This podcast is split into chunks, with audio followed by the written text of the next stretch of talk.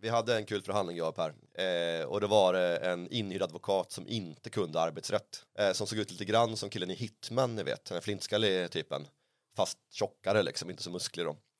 Eh, Stärkt krage och flashig Rolex-klocka, hela kittet liksom. Ni har kallat till förhandling, den här hitmannen dyker upp. Ja, med, med liksom själva ägaren då. Bråket rör i princip OB-ersättning.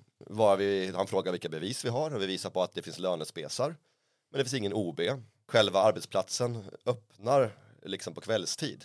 Eh, och den här advokaten då, Hitman-advokaten, han menar liksom att ah, men ni måste bevisa att den här personen inte var där på dagtid och jobbade. Ni kan bevisa att han har jobbat, han har fått lön, men hur kan ni veta att det är på kvällen? Och då säger ju Per att men ni har ju bara öppet på kvällen. Ja då säger han att ja, men det får vi ta i domstol liksom. Det, det kan ni inte bevisa, ni, ni måste bevisa att han var där. Eh, och då säger vi då att eh, ja, men du, vi kommer nog utanför arbetsplatsen istället med flaggor och, och så kräver vi de här pengarna för det är en löneskuld ni har. Och då böjer han sig fram med båda knogarna på bordet och så väser han Maffian. Som Gollum liksom. Men och då förutsätter att ni backade direkt? Det, det blev lön utbetald till slut. det blev det? Jaha, okej. Okay. Där insåg ju då arbetsköparen själv att han hade valt eh, fel advokat som inte riktigt visste vad det här handlade om och eh, rundade helt enkelt sin advokat och, och mötte oss ändå. Ja. Han skulle ringt hotell restaurangfacket istället. ja, hade varit ett bättre skydd mot oss. Antagligen jag. hade det ja. det. har hänt att eh, vi har förhandlat med skurkar och nästa gång de kommer till bordet kommer de med någon från hotell och restaurang eller från eh, Visita eller från Almega ja. och säger att ja men nu har vi ett avtal, nu får ni gå härifrån. Ja. Eh, så att det är inte helt ovanligt att man skyddar sig med att skriva avtal. Ja, eh, ja det kan man ju snacka om en annan gång men tyvärr. Ja.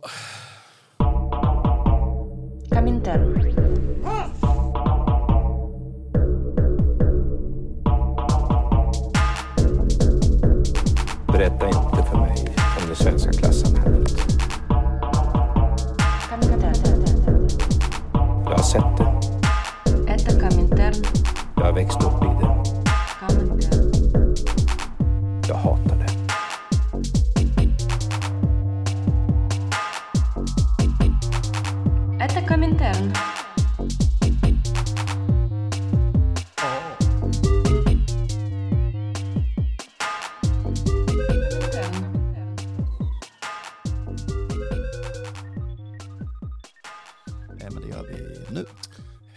välkomna till eh, podcasten Kommentaren. Eh, jag sitter i studion, alltså jag, Gaspar, tillsammans med min eh, ständige vapendragare Andreas. På plats. Och två andra kamrater som ska köta lite om något som ligger mig och Andreas varmt om hjärtat och säkert många andra kamrater runt om i landet. Nämligen Göteborgs LS av SAC. Vill ni presentera er med, med namn och vad ni gör i denna ädla förening? Eh, jo men absolut, eh, jag heter Emil och jag förhandlar för Göteborgs LS. Och det gör man ju som ett frivilligt uppdrag då, så jag gör det utanför mitt vanliga arbete. Eh, per heter jag. Jag förhandlar också för Göteborgs LS. Vi sitter ju i förhandlingskommittén tillsammans, jag och Emil med ett gäng andra personer. Hörrni, apropå att sitta på två stolar. Både jag och Gaspar är medlemmar i Göteborgs LS. Jag, tyck, jag vet att ni har en väldigt strikt dagordning ni vill komma igenom idag. Men jag skulle tycka det var kul att höra hur ni blir medlemmar i LS. Ja, jag själv blev ju först medlem i Solna LS i Stockholm helt enkelt. Ehm, jag jobbade i restaurangbranschen och så började jag plugga lite grann på sidan samtidigt. Extremt missnöjd med hotell och restaurangfacket. Som det enda de gjorde var att försöka sälja på mig så bilförsäkringar. Typ. Men när jag på en kurs på Södertörns högskola så träffade jag lite eh, syndikalister helt enkelt. Och via dem fick jag liksom kontakt med andra som jobbar i restaurangbranschen och så. Och så blev jag aktiv i Solna LS då från början. Så det var ganska naturligt när jag flyttade till Göteborg och gå med i. Jag gick med när jag var 19 och började jobba. Eh, och sen eh, under min studietid så var jag medlem ganska passivt då. Eh, och det har gett mig en slags bakvänd resa. Att jag börjat vara aktiv centralt i föreningen. Eh, som student har man massa tid och sådär. Eh, men det faktiska engagemanget kom väl först när jag började vara på riktigt på jobbet efter examen. Och började inse vad man kan göra så att jag har liksom börjat i toppen på pyramiden. Nu är det ju en ganska platt pyramid i vårt fall, men eh, det är nu när jag är på golvet som det händer grejer på riktigt tycker jag själv. Vad är din origin story Andreas? Ja, men jag har också, eller jag har deltagit i LS-sammanhang som första maj och sånt där. eh, länge, men var ändå eh, plikttrogen medlem i Kommunal under många år som arbetandes inom LSS på olika sätt. Det var först när jag vä- väckte frågan om vissa grava arbetsmiljöproblem eh, och, där och Kommunal valde att gå bakom ryggen på mig ihop med min arbetsköpare som, eh, som jag gick med i LS. Och det har jag inte ångrat en sekund sedan dess. Och för dig? Eh, jag har alltså den sämsta sortens origin story. Jag har den som alla, alla LS-rävar suckar tungt.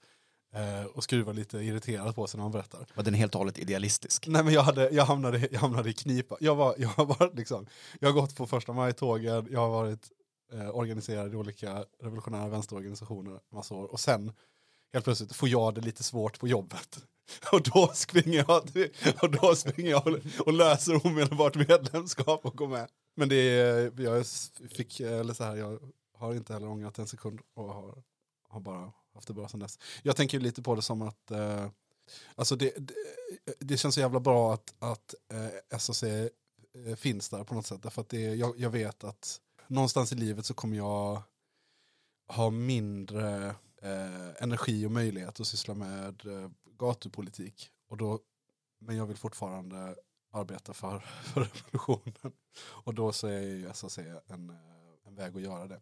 På, på tal om det här med att vi som rörelse har svårt att växa upp i, eller vad man ska säga.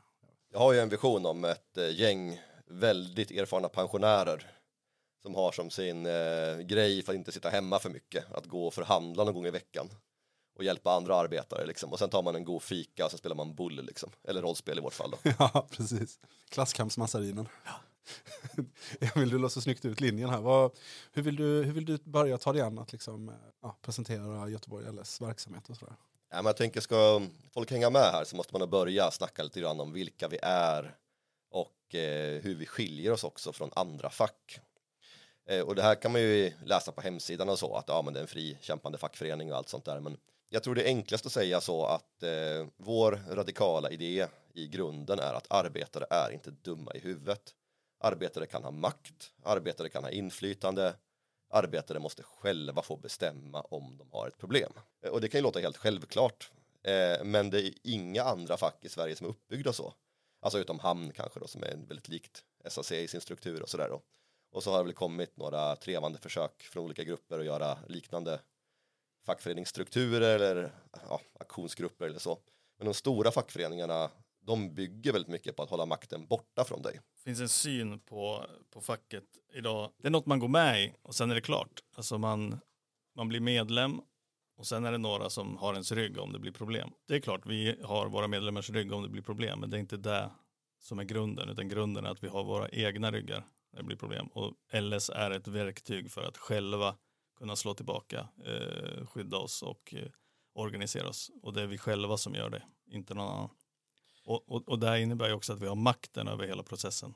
Eh, ingen kan stoppa oss på det sättet. Eh, en sak jag själv tycker är jobbig i arbetslivet det är ju gnällkulturen som finns och det hör man ju ibland. Alltså det här med att svenskar är så gnälliga, vi gnäller hela tiden. Och jag är ju lite materialistiskt lagd då, så jag tycker ju att det måste ju finnas någon typ av orsak till att det blir så här, att alla går och lipar men ingen gör någonting. Och då menar jag väl jag på att i våran struktur i sossefacken som vi kallar dem, eller majoritetsfacken, då går det ju ut på att det ska gå att gnälla.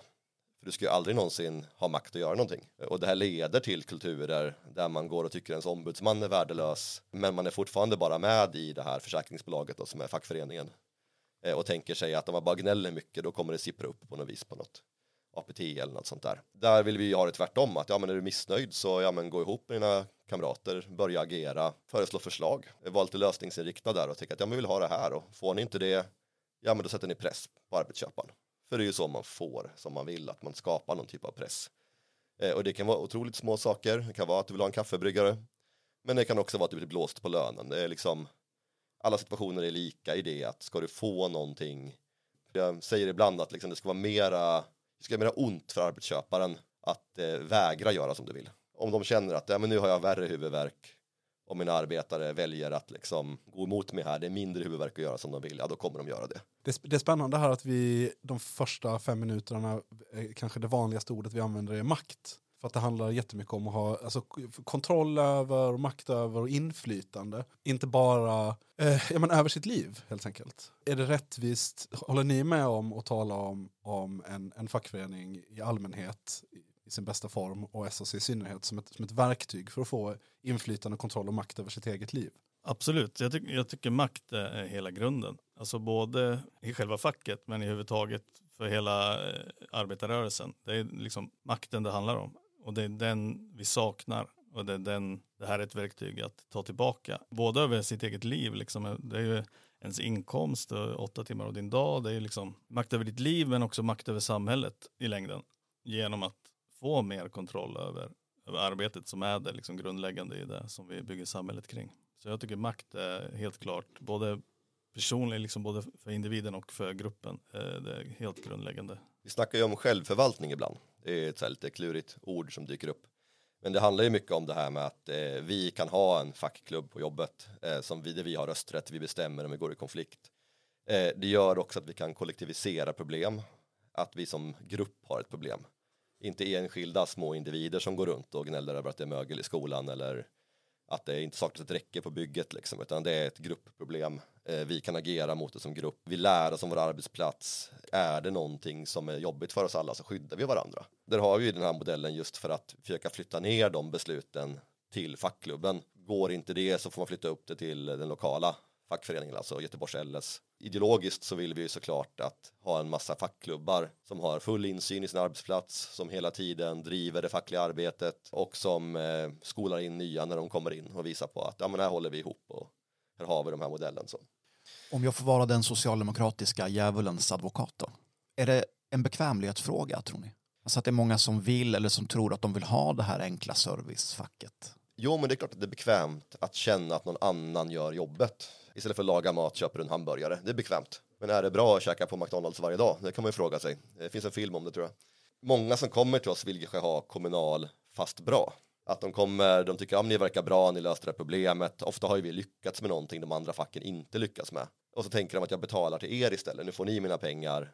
Nu är det typ du eller någon annan som ska vara min ombudsman då. Kollar vi på ett större spektrum kan vi ju se att den rörelsen ganska ofta motarbetar sina egna intressen. Alltså man, motar, man får reallönesänkningar kan vi se nu. Facken går ut och säger att det blir inflation om vi inte dumpar lönen. Det finns inga bevis för det, det har ni säkert snackat om tidigare där. Strejkförbud och LAS-slakt för att partiet man är allierad med vill ha det. Även ens egna avtal har vi otroliga mängder exempel på när man inte följer dem. Men om vi då är inne och har en konflikt och påpekar det, att här är någon arbetare som inte får sina rättigheter, de har ett avtal med er, så vill man hellre skydda cheferna än att liksom hålla med om att det är ett problem. För då på något vis så antar jag att man visar på att deras modell inte är så bra som de säger då att den går att frångå.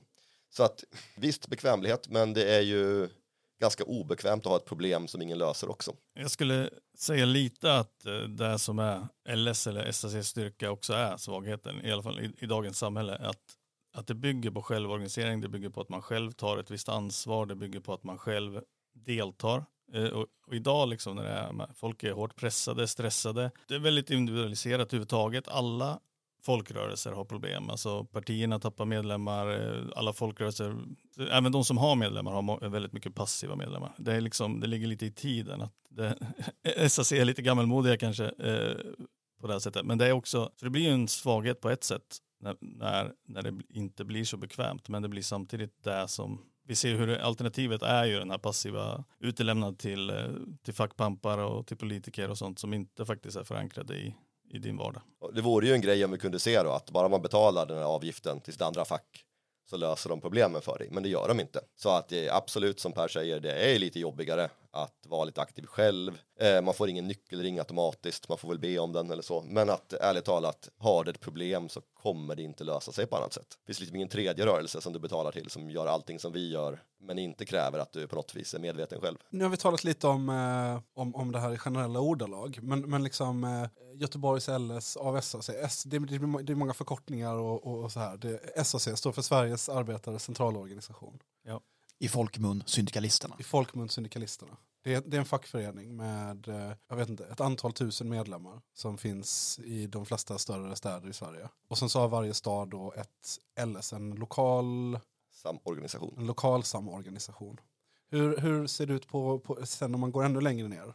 Eh, Ja, men då har man sektioner och sektioner är alltså lokala fackklubbar. Eh, sen finns det en parallell organisering som är syndikat, som är branschorganisering, där man inom ett område, säg utbildning, är organiserad samtidigt som man är med i ett LS och i en sektion, men som ska ta tillvara då på mera branschspecifika saker som kanske utbildningar som riktar sig till lärare eller vad det nu kan vara. Eller. Men eh, den minsta enheten är just att ha en fackklubb och i vårt fall så är det en juridisk person, alltså det är en Fackklubben i sig kan driva saker i domstol. Den kan skicka in förhandlingsframställan som fackklubb. Så ingen enskild person behöver vara den som hela tiden gnäller eller som. Men hur relaterar, för det här är ju intressant när man talar om makt också, för då kan man ju tala om makt både som arbetarkollektiv gentemot eh, arbetsköpare, men också hur, hur, ser, de, alltså hur ser det ut liksom inom organisationen? Hur relaterar till exempel eh, ett LS till eh, SAC centralt? Hur relaterar en, en fackklubb till sitt LS och så vidare? Liksom, vad är... Har ni ringt till styrelsen i Stockholm och frågat om ni får vara med här idag? Ja, precis. Har ni fått,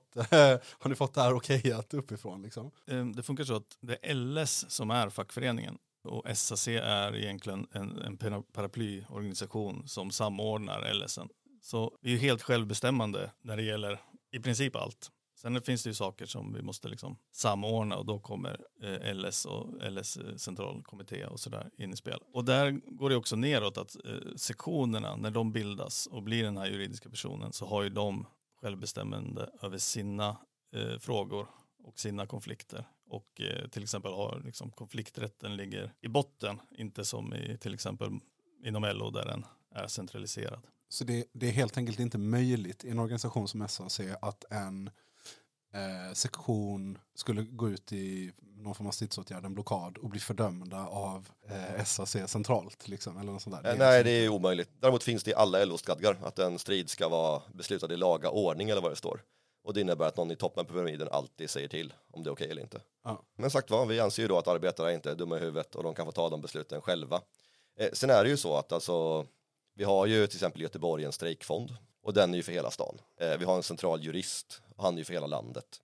Eh, och vill man åt de resurserna, då får man vända sig till den instansen. Och nu vet jag inte hur mycket anarkism ni pratar här i studion här, men det finns ju ett maxim där om att eh, du bör lägga all makt på rätt nivå. Om du är med om ett beslut så ska du kunna välja vad som händer och sådär. Så att till exempel om någon vill ha massa pengar från våran stridsfond, då får man ta det på ett eh, medlemsmöte. Så de andra medlemmarna kan vara med och besluta om det. Det här är ju en ideologisk grej för oss såklart, att eh, när folk berörs av besluten, då ska de kunna vara med på dem. Och sen kanske av praktiska skäl då, som en central jurist, då blir det mer att vi som är aktiva förhandlar formulerar en rättshjälpsansökan och säger att vi vill ha den här centrala resursen just nu. Men eh, skulle vi den tycka att ja, vi vill köra ändå, även om de säger nej, då kan vi göra det. Vi får ju bara bekosta det med våra egna medel så att säga. När vi är klara med att förklara det snåriga i vår organisation här så kan vi gå in lite grann på varför man ska vara organiserad. Det det är ju kul att ha lite SAC-skola men poängen här är ju på något vis att vi är i radio för att vi vill nå ut till folkets massor här och berätta om eh, varför man ska vara med i vår förening. Jag delar upp det i en del som är för din egen skull och en del som är för andras skull primärt. I båda fallen så skulle jag säga att man växer som person av att vara aktiv. Måste inte vara i vår förening. Du växer av att göra grejer med andra människor. Men eh, nu är det ju vår förening som är här, så då handlar det ju om det såklart. Även om du då bara tänker att du själv vill ha någonting så är det så att du kommer ju aldrig få just makt om du inte är med i en förening som vill ge dig makt. Vill du då till och med ha någon makt på jobbet och vill ha det att det ska funka, då bör du bygga någon slags kollektiv styrka. Du bör försöka få med dig dina kollegor. Ganska många frågor så är det så att vi kommer aldrig vara nära makten, alltså även miljöfrågor, politiska frågor, eh, är det institutioner, stater, besluten ligger någon helt annanstans. Men på jobbet Eh, vi som arbetar, vi är en väldigt nödvändig komponent för att det ska fungera. Och kan vi få makt där, då kan vi få vår styrka mångdubblad, alltså våra åsikter kommer mångdubblas. Just för att vi är en omistlig del av produktionen. Man bygger också då ett kollektivt minne när man lyckas organisera. Att ens arbetskollegor kommer att tycka att okej, vi vann det här, då behöver inte vi göra den här jobbiga grejen längre. Eller ja, men när chefen har ett dumt påhitt som inte vill gå med på, vi kan säga emot det. För det gjorde vi förra gången. Och det är så man flyttar fram positionerna. Även helt normala, fungerande arbetsplatser. Så du ska på i sjukvården, på en skola, på en fabrik. Så kommer du själv kunna bygga en bättre arbetsmiljö, en bättre vardag. Och även en ganska liten grej, som en tusenlapp i lön eller eh, att du får dina pauser som du ska. kommer ju påverka varenda jäkla dag du går dit. Huvudanledningen att gå med är väl såklart, som Emil säger, att, att liksom få en chans att organisera på din arbetsplats, förbättra på din arbetsplats, eh, få inflytande på din arbetsplats. Men även, tänker jag, vi har ju många medlemmar som går med, som är själva på sin arbetsplats eh, och som kanske inte ser en så här reell möjlighet att organisera jättemånga direkt. Men som jag ser också LS, som också skiljer lite från andra fackföreningar, är det här att vi sprider ju kunskapen på alla. Så det är också ett väldigt bra, förutom att du då är med i en fackförening och har ett visst skydd om det händer något, så är det också en väldigt bra skola. Du kommer lära dig väldigt mycket om du vill, om du liksom aktivt går till eller som du liksom är öppen för. Det tycker jag var en, när jag gick med för ja, 16-17 år sedan, jag hade varit med i Livs och Metall och Hotell Restaurang och flera fackföreningar och försökt vara lite aktiv men liksom, man blir inte riktigt insläppt och man, och man får inte reda på någonting. Ingen som lär dig om så här, ja, men så här funkar arbetsrätten. Så jag, även om jag hade varit facklig ganska mycket så visste jag inte ett skit om mina rättigheter ändå. Fast jag var liksom 25 bast och hade varit med i facket ganska länge. När jag gick med i ett LS så ganska snabbt liksom blev jag meddragen, lärde mig en massa grejer och jag fick chansen att så här, följa med när andra hade konflikter och vara med när andra organiserade och lärde mig jättemycket. Och det kan ju på sikt göra att du, även om du från början inte kanske har möjligheten att organisera en stor sektion så kommer du få det, de, de verktygen på sikt. Alltså som, som vi har talat om så himla mycket i den här podden överhuvudtaget också och som, och som du gled in på eh, Per, det här med eh, atomiseringen i samhället och att eh, alla går runt och känner sig så jäkla ensamma och slitna och maktlösa och sådär. Jag skulle säga att det är svårt att hitta ett bättre exempel än SAC på en väg ut ur det. Det är ju bara det att det kostar lite mer än bara typ så en medlemsavgift i månaden. Eh, det kostar en medlemsavgift i månaden och sen måste man liksom orka möta människor, prata med människor, eh, och ta liksom eh, en del risker och kanske ta en del risker för andra också. Ska vi säga det också bara när folk sitter här och tänker att fy är det så jäkla jobbigt liksom. Jag och Per, vi går till jobbet, vi har massa roliga hobbys och vi är också aktiva i SAC. Eh, och vi vill förmedla det att eh, vi är ett par vanliga knegare som inte offrar varken våra liv eller vår fritid. Men vi hittar ändå tid för det här och det är ju en kollektiv process. Skulle man bara palla och betala en avgift och kanske läsa nyhetsbrevet, det är helt okej. Eh, känner man då sen att ja, men det vore kul att pröva och förhandla, då har vi ett väl utbyggt system för att gå bredvid. Tycker man det är kul att slå i lagar, tycker man det är kul att köta med chefer, älskar man reflexvästar? Jag gillar reflexvästar bäst faktiskt. Stå på gatan och dela flygblad tycker jag typ är det roligaste. Men det har också att göra med vår ideologi där, makt, ansvar. Att eh, ger dig makt, en viss mått ansvar kommer med där. Att du ska klara att ha din förening på jobbet med demokratiska möten så att vi kan se att ni faktiskt har möjlighet att ta de här besluten och liksom är mogna och förvalta dem. Skulle man inte palla det då får vi ju se till att eh, nästa nivå då LS kan ha fungerande möten och ta de besluten. Eh, och det har ju att göra med att ha just den här arbetarmakten, att det måste vara demokratiskt. Eh, alternativet skulle ju vara att göra som våra motståndare och skicka upp allt i toppen. Folk som lyfts bort från arbetsplatserna, som har som yrke att vara fackliga, som aldrig går till jobbet. Efter ett tag kommer de inte dela din vardag. Jag vet inte om Baudin, heter han va, någonsin har delat våran vardag. Men har han gjort det så verkar det vara jävligt länge sedan. Liksom. Jag tycker att det är en bra poäng att det inte är ett sånt, eh, att det inte är någon slags eh, martyrpolitik. Liksom. De flesta av oss spenderar väldigt mycket tid på jobbet ändå. Kan man snacka ihop sig lite eller till och med ha formella möten med sina kollegor under den betalda tiden så är det kanon. Släpa sig till ett medlemsmöte en gång i månaden. Det är ett mindre engagemang än många andra engagemang jag har haft. Alltså alla grejer är läbbiga första gången man gör dem. Och det är ju lite en poäng med systemet som vi har att eh, det ska vara läskigt för arbetare att vara nära makt. Kanske inte att det är en person som har tänkt ut det med jättestort huvud liksom. Men att systemet, kapitalismen som sådan, den tycker inte jättebra om självgående arbetare med makt. Vi hade en bejublad fight en gång kör en snabb anekdot här. Eh, de ville inte ge oss en anslagstavla. Det här var inte en skola utan det var på ett lager. Och det är en fånig grej att neka en fackförening. Med många medlemmar också i det här fallet. Men eh, de som jobbade där, de la bara ut flygblad och skit över hela stället. Eh, och då blev det ju en förhandling om att det var nedskräpning istället. Det var ju en enkel lösning då, vi var ju progressiva. Häng upp en anslagstavla, så kan man ha sin information där istället. Ja, jag ska inte snacka ner gerillakriget, men man ska göra det med ett syfte.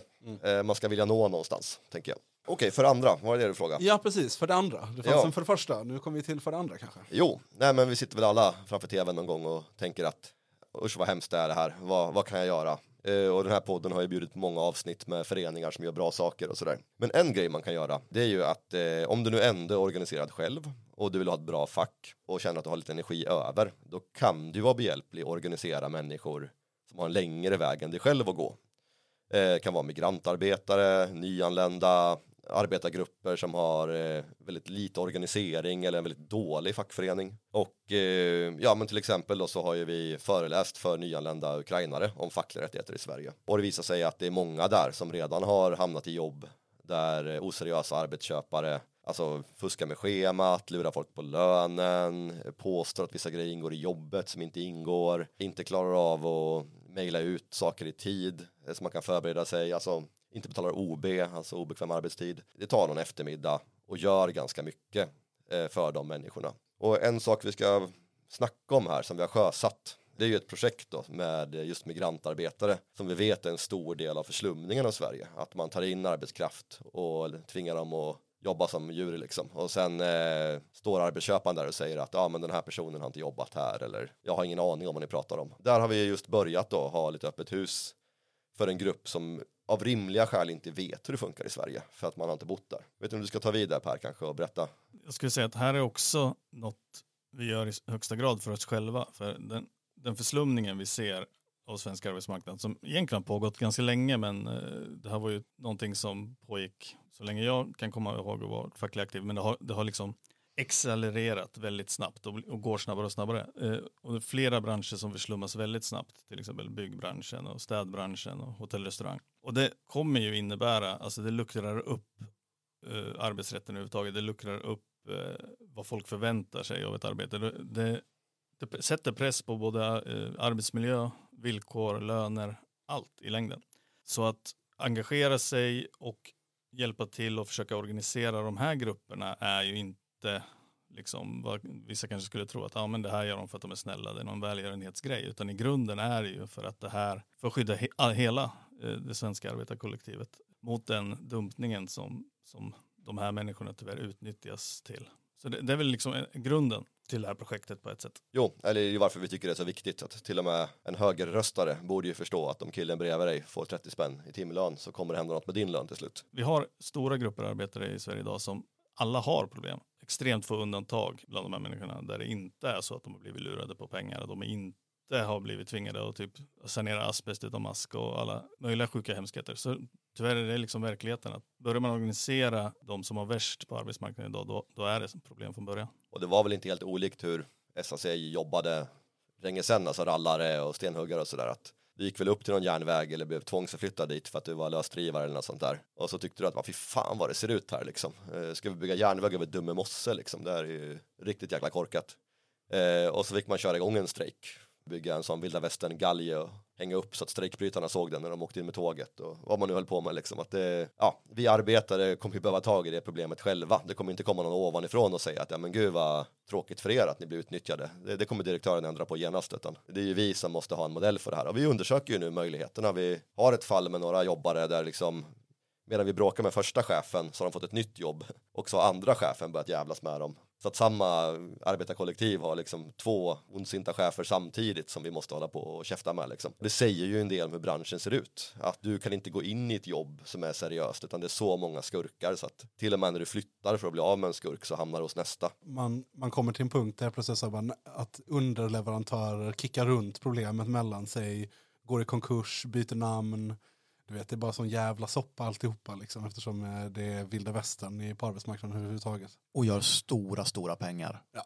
på att bedriva slaveriverksamhet med liksom människor som har flytt ifrån krig. Men, men vad är det för projekt ni har igång då? Hur ser det ut? Vad... Under en period var det så att vi har sökt sig människor till Göteborgs LS som har kommit eh, och eh, inte haft, innan har de inte, de har liksom inte vetat vad finns det för fackföreningar i Sverige, hur funkar fackföreningarna i Sverige, vad finns det för, vad, vad, vad har jag för rättigheter och så. Och då har det ju varit så, eh, som en fackförening funkar, att man, det första man frågar är du medlem? Och ofta har de inte varit det. Och då har det ju ofta varit en, en avvägning där. Hur, hur ska vi göra om den här personen blir medlem?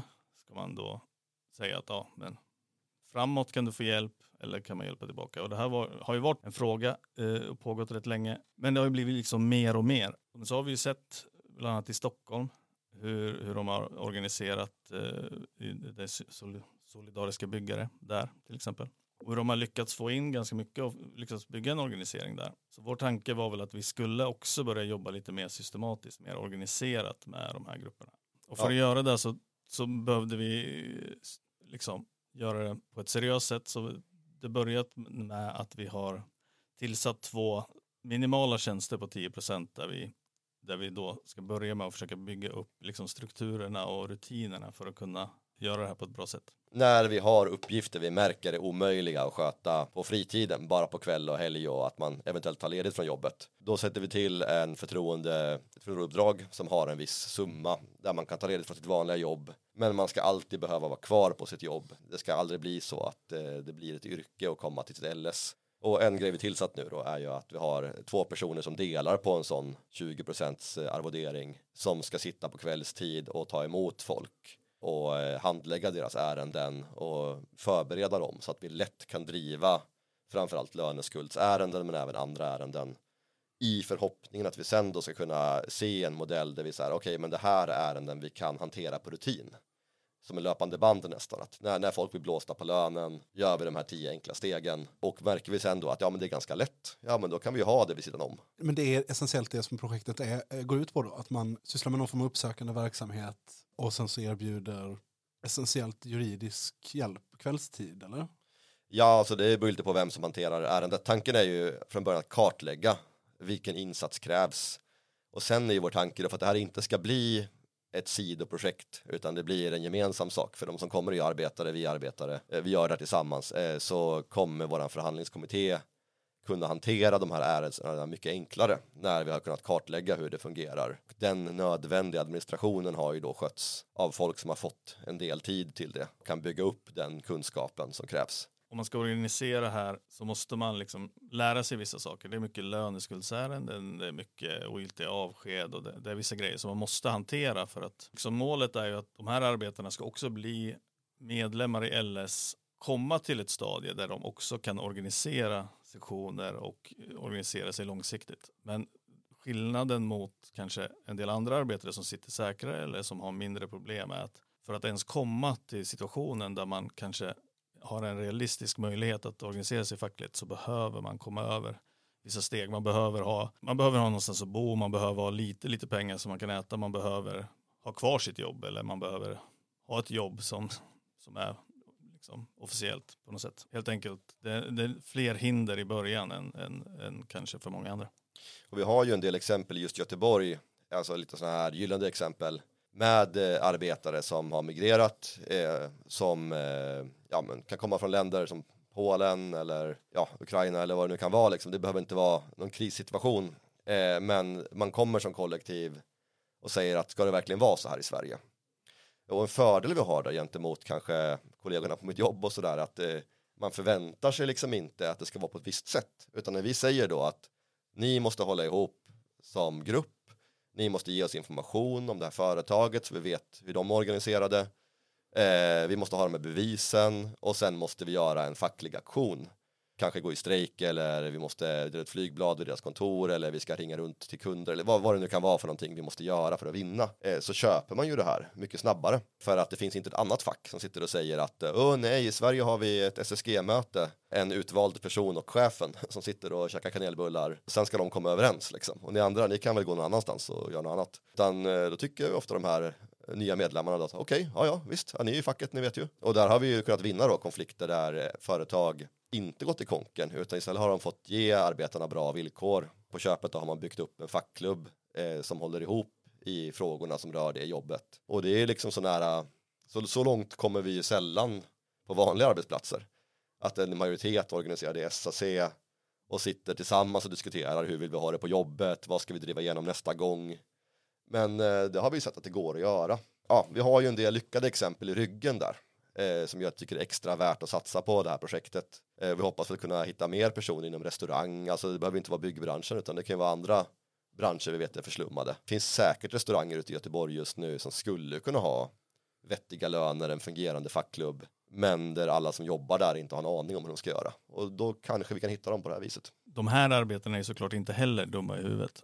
Så det handlar inte om att de kommer till oss och sen servar vi. Utan där vi, det vi har sett redan från början är ju att folk som kommer in, även när de har de här svåra situationerna, är väldigt drivande själva. Gör stor del av det själva, men behöver såklart kunskapen och ett visst stöd och, och liksom eh, i ryggen. Språket och liksom bara den här basala första kunskapen om hur fun fungerar svensk arbetsmarknad. Och, Och vi har ju sett att folk är benägna att hitta tolkar själva ibland. Alltså om det är större grupper arbetare så kan de ju säga att ja, men jag känner någon som kan lite engelska eller svenska och kan tolka åt oss. Och, eh, så just mer vi får med oss, ju mer så lossar de där propparna efterhand. Och att om jag drar det där extra lasset för någon annan så kommer den personen att göra det för mig sen, oavsett vilket språk den pratar. Men om man då är nybliven medlem eller icke-medlem som blir medlem, man har inte en sektion på sin arbetsplats, men man skulle vilja vara en del av det här migrantprojektet. Hur gör man då? Eh, jo, då säger jag så här att en bra början för att bli aktiv det är att man går vår grundkurs. Den kommer varje termin som minst, ibland flera gånger. Och, eh, gör man det då så kommer man veta mer än sin chef om arbetsmarknaden när man är klar. Det är vårt löfte. I stort sett alltid sant. Sen är det så att eh, det sitter folk på LS på tisdagskvällar och då är Per eller eh, en kille som heter Alexander där. Och eh, tanken är att de ska kunna prata med folk som kommer in och berättar om situation och sådär. Men skulle det vara så att de har en lucka så kan man ju gå in och säga att man vill hjälpa till. Och funkar det inte just då kan de ju hänvisa till ett möte vi har eller ett medlemsmöte eller något sånt där. Det går också bra att mejla på våran mejl om man vill hjälpa till eller bli aktiv och så kan vi föreslå allt det här via mail också. Skulle det vara så att man vill starta och ha ett gäng personer då kan vi också ja, ha någon från förhandlingskommittén som kommer ut och hjälper en starta om man är så nära så att säga. På medlemsmötena framöver så kommer det också vara lite mer genomgång från både förhandlingskommittén och kanske migrantprojektet. Så, eh, så man kommer där så kanske man både får höra lite på vad som är på gång och, och även där kan ta kontakt med förhandlingskommittén och säga att man är intresserad av att kolla vad vi håller på med och hänga på. Sen tycker jag att alla ska ju skriva upp sig på blockadlista för att vi har märkt just det här att direktaktion det är fortfarande en grej. En arbetsköpare som beter sig illa, vägrar förhandla eller vägrar gå med på att anställa bra villkor. Det är fortfarande väldigt känsligt med att någon står utanför med flygblad och flaggor. Eller bara skriver något taskigt om det på Facebook. Alltså det kan räcka. Och det är väl en grej om vi ska vara analytiska med dagens kapitalism också. Att det är en överetablering överallt. Eh, väldigt korta leveranskedjor. Väldigt mycket social media och sådär. Att man blir känsligare för vissa typer av aktioner från arbetarna. Och då ska ju inte vi vara långsamma på bollen där. Utan vi ska ju hålla den saken vid liv såklart. Då. Eh, Vad är en blockadlista? Ja, men det är helt enkelt så att eh, vi har en lista på folk som är intresserade att hjälpa till när vi har en blockad mot ett företag. Då får man information om vad det gäller och så får man stå där i reflexväst och dela ut flygblad i princip. Det är, någon slags, det är en mejllista då? Ja, just nu är det en mejllista. Så man får ett mejl när det är på gång med blockad. Men vi brukar ofta, ganska ofta också lägga ut lite så här blinkare på vår Facebook att så här, nu kommer vi ha en blockad mot det här stället och att man får komma dit och visa solidaritet på plats. Och så. Ja, man kan väl ge sig fan på att det kommer finnas en länk till blockadlistan i show notes i det här avsnittet. Det brukar vara väldigt eh, socialt trevliga tillställningar. Och jag menar alla som lyssnar på det här kommer ju genast gå in och likea våran feja. Då kommer man ju få en notis där om inte algoritmerna sviker. Eh, visst är det så att SOC har en lite större arsenal än eh, LO-facken av saker, olika stridsåtgärder och grepp och knep man, man tar till. Det är lite roligare än att bara eh, liksom sitta i sådana, vända papper och läsa eh, olika lag, lagböcker. Vi har ju liksom en annan, lite annan syn än många andra fack. På, eh, vi, vi vill ju använda de verktyg vi har och de möjligheter vi har. Och den, den lilla, utifrån eh, som situationen ser ut från början i alla fall idag, de, den lilla väg till makt vi har. Och då är det ju så att, att direktaktion ofta är effektivt. Och Men det kan ju se ut på olika sätt. Blockader är ju, är ju en bit. Media, jag vet inte om man ska säga uthängningar. Men för oss är det ju egentligen bara liksom fantasin som sätter gränsen på vad man kan göra. Eh, du kan ju även eh, maska. När jag var, vad kan man 19-20 kanske, så var jag med på en, en sit-in för första gången. En eh, kamrat eh, hade hamnat i kläm på puben han jobbade på. Så gick vi dit, 30 pers, tog alla bord, beställde varsitt glas vatten. Och så satt vi där i flera timmar och, och tittade på när krögaren blev rödare och rödare i ansiktet. Och det behövde vi bara göra en gång.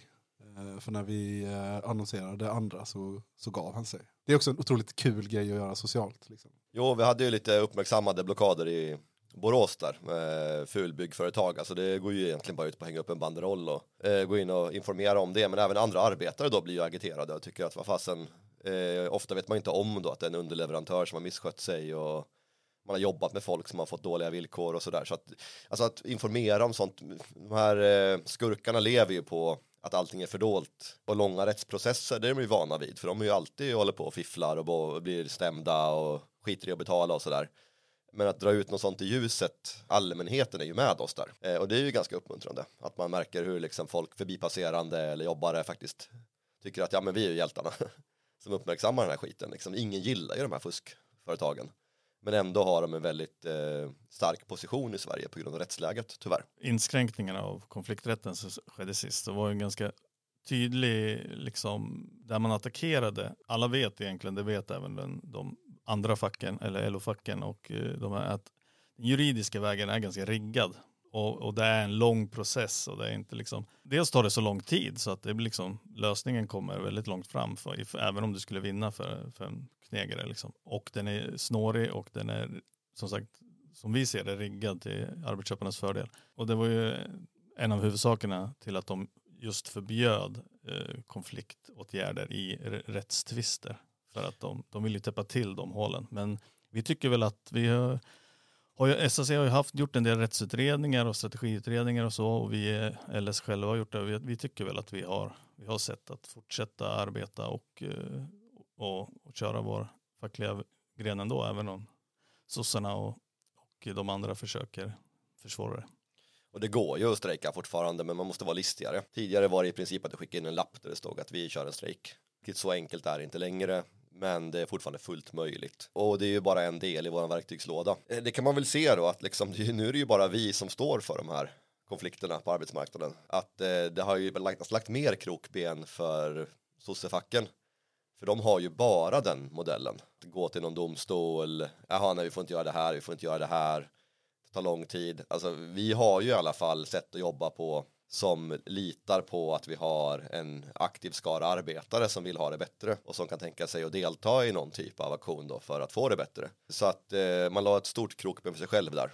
Jag vet inte om man riktigt förstod det faktiskt. Det kan vara värt att notera att eh, när Reinfeldt angrep sossarna när han vann valet första gången där. Eh, det första han gav LO var en stor fet punkspark.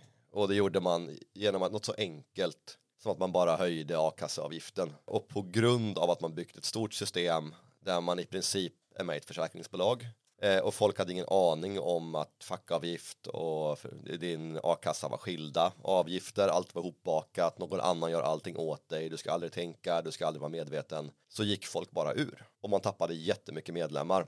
Eh, Och det är en väldig känslighet i den modellen. Att när det kommer någon ledare då som tycker att jag gillar inte den här rörelsen. Då kan man angripa den så otroligt enkelt. Eh, Lukasjenko krossade facken i Vitryssland på ett liknande sätt. Han tvingade dem att ta in sin avgift eh, för hand genom att förbjuda dem att använda autogiro eller vad det var för de hade. Och det var olagligt och de drev en rättsprocess och de vann den rättsprocessen och då hade alla medlemmar gått ur. Så då var de ju helt meningslösa. Så att lita på liksom, även när man får rätt enligt lagen eh, så kan det vara jäkligt farligt att lita på den vägen.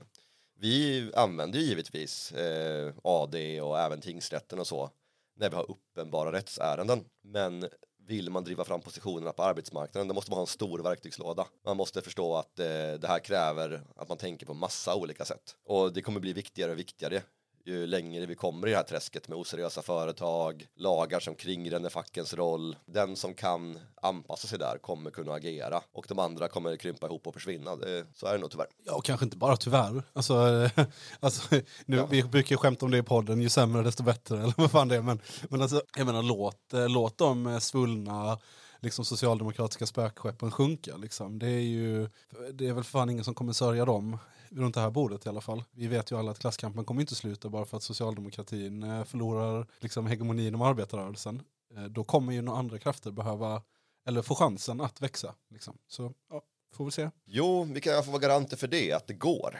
Eh, så mycket kan vi säga. Vi är ju väl 600 pers i Göteborg eller något sånt där. Eh, inte jättemycket folk, men Eh, vi har fungerande sektioner på olika arbetsplatser där man på arbetsplatsen tar de här viktiga besluten. Vi båda två har ju varit med i en massa rättsfall där vi har vunnit saker som vi vet de andra facken inte hade klarat och vi har agerat för medlemmar som inte ens får organisera sig fackligt, alltså som berövas den rättigheten. Jag vet ju att man kan styra upp sin egen sektion, man kan börja vinna på sin arbetsplats hur bra eller hur dålig den än är. Eh, vi som har turen att vara på en bra arbetsplats, vi har nytta av det. De som har en värdelös arbetsplats, de har också nytta av det. Så möjligheten finns. Men eh, det handlar ju om att nå ut såklart. Eh, det handlar om att ha en vettig utbildning när man kommer in och det handlar om att förstå att eh, vi kommer inte få någon hjälp av dem som är fientligt inställda till våran förening. Det, det kommer inte hända. Vare sig om de är våra konkurrenter om man ska uttrycka det så eller om det är våra rena fiender. Och det största motståndet kommer ju komma från, tror jag, de som känner att vi konkurrerar om en plats där som arbetarnas organisation eller språkrör eller så.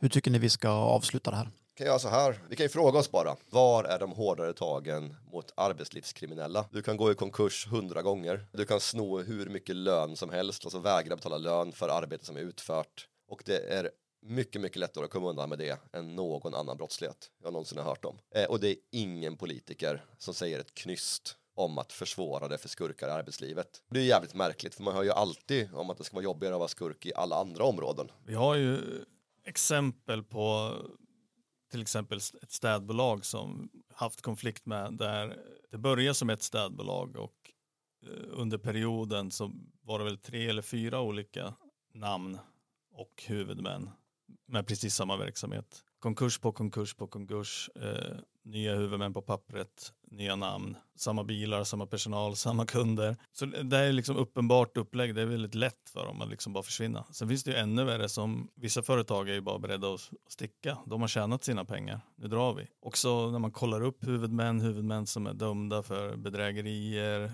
övergrepp, övergrepp i rättssak, eh, våldsbrott. Eh, alltså, oftare och oftare rena kriminella, liksom. den organiserade brottsligheten som ofta är underleverantörer till de här stora. Och det är helt okej och då, det är ingen, eh, förutom då kanske solidariska byggare i Stockholm, men e- annars egentligen inga i Sverige som gör någonting åt den här saken. Och det är lite märkligt med, med allt snack om hårdare tag. Det hade varit otroligt tillfredsställande om det hade varit lite fler sådana heliko- polishelikoptrar över Askim som letar efter olika ekonomiska brottslingar och broilers som åker runt i bilar som de inte har skattat på ordentligt och sådär. Ja, men jag tänker, när får du näringsförbud? Det är, hur många konkurser får du ha innan staten säger att ja, men du kan inte driva ett företag? Hur mycket lön ska du skita i att betala innan någon säger att ja, men du är en oseriös arbetsköpare? Det är ju ganska enkla grejer. Ja, men det är ju för att det är ju mer av en mänsklig rättighet i Sverige eh, att få driva ett företag än vad det är att få typ tillgång till rent dricksvatten. Tack så mycket för att ni kom. Tusen tack för att ni är här. Tack själva för att vi fick komma. Ja, vilken bra podd. Tack. Ses vi inom blockad. Vad, vad, vad sysslar vi med nu, Gaspar? Jag har ingen aning. Vad Ingen sysslar aning. vi med Andreas? Okej, vi... det här kommer ut om en månad. Eh, däremellan ska vi spela rollspel. Ja, just det. Ja. Det ska bli jättekul. Ja. Sen vet jag inte hur långt det är ett sommaruppehåll efter det. Nej, antagligen inte jättelänge. Kan Nej. bli något avsnitt eh, till däremellan. Det kan det några, nog. Vi brukar ha någon slags avslutning bara vi. Det Ja. kanske vi har. Eh, Patreon-poddarna kommer fortsätta rulla. Yes. Både du och jag är väldigt stiligt klädda idag. I, i Komintern-merch. Ja, de sista t-shirtsen som vi tryckte förra sensommaren, de ligger nu på Syndikalistiskt forum i Göteborg. Finns även i deras webbshop. Wow. 150 spänn. Vill man ha en så är det nu, för vi kommer aldrig trycka dem igen. Det är limited edition. Ja, cool. Vad vill ni att vi ska avsluta med för låt idag? Det kommer komma, vi måste ha en lång diskussion om det här, men efter Ja. nästa LS-möte så kommer vi ha demokratiskt tagit fram vilken den bästa låten är och då kommer ni få den. All right, bra, vad skönt. Då kommer vi att vi veta, om, inte, om man inte lärt sig någonting annat av det här avsnittet så kommer man veta vad Göteborgs LS och SAC tycker är den bästa låten. Upp till kamp. Hej hej! Hej. Hej.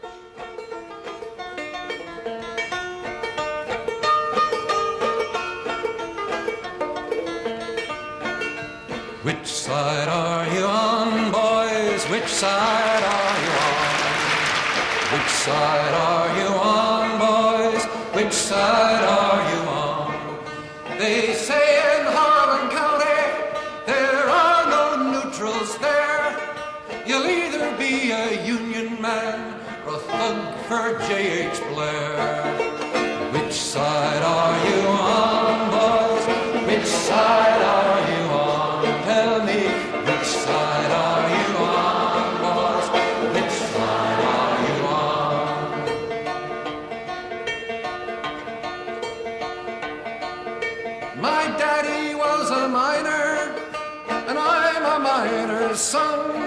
He'll be with you, fellow workers, until this battle's won. Tell me, which side are you on?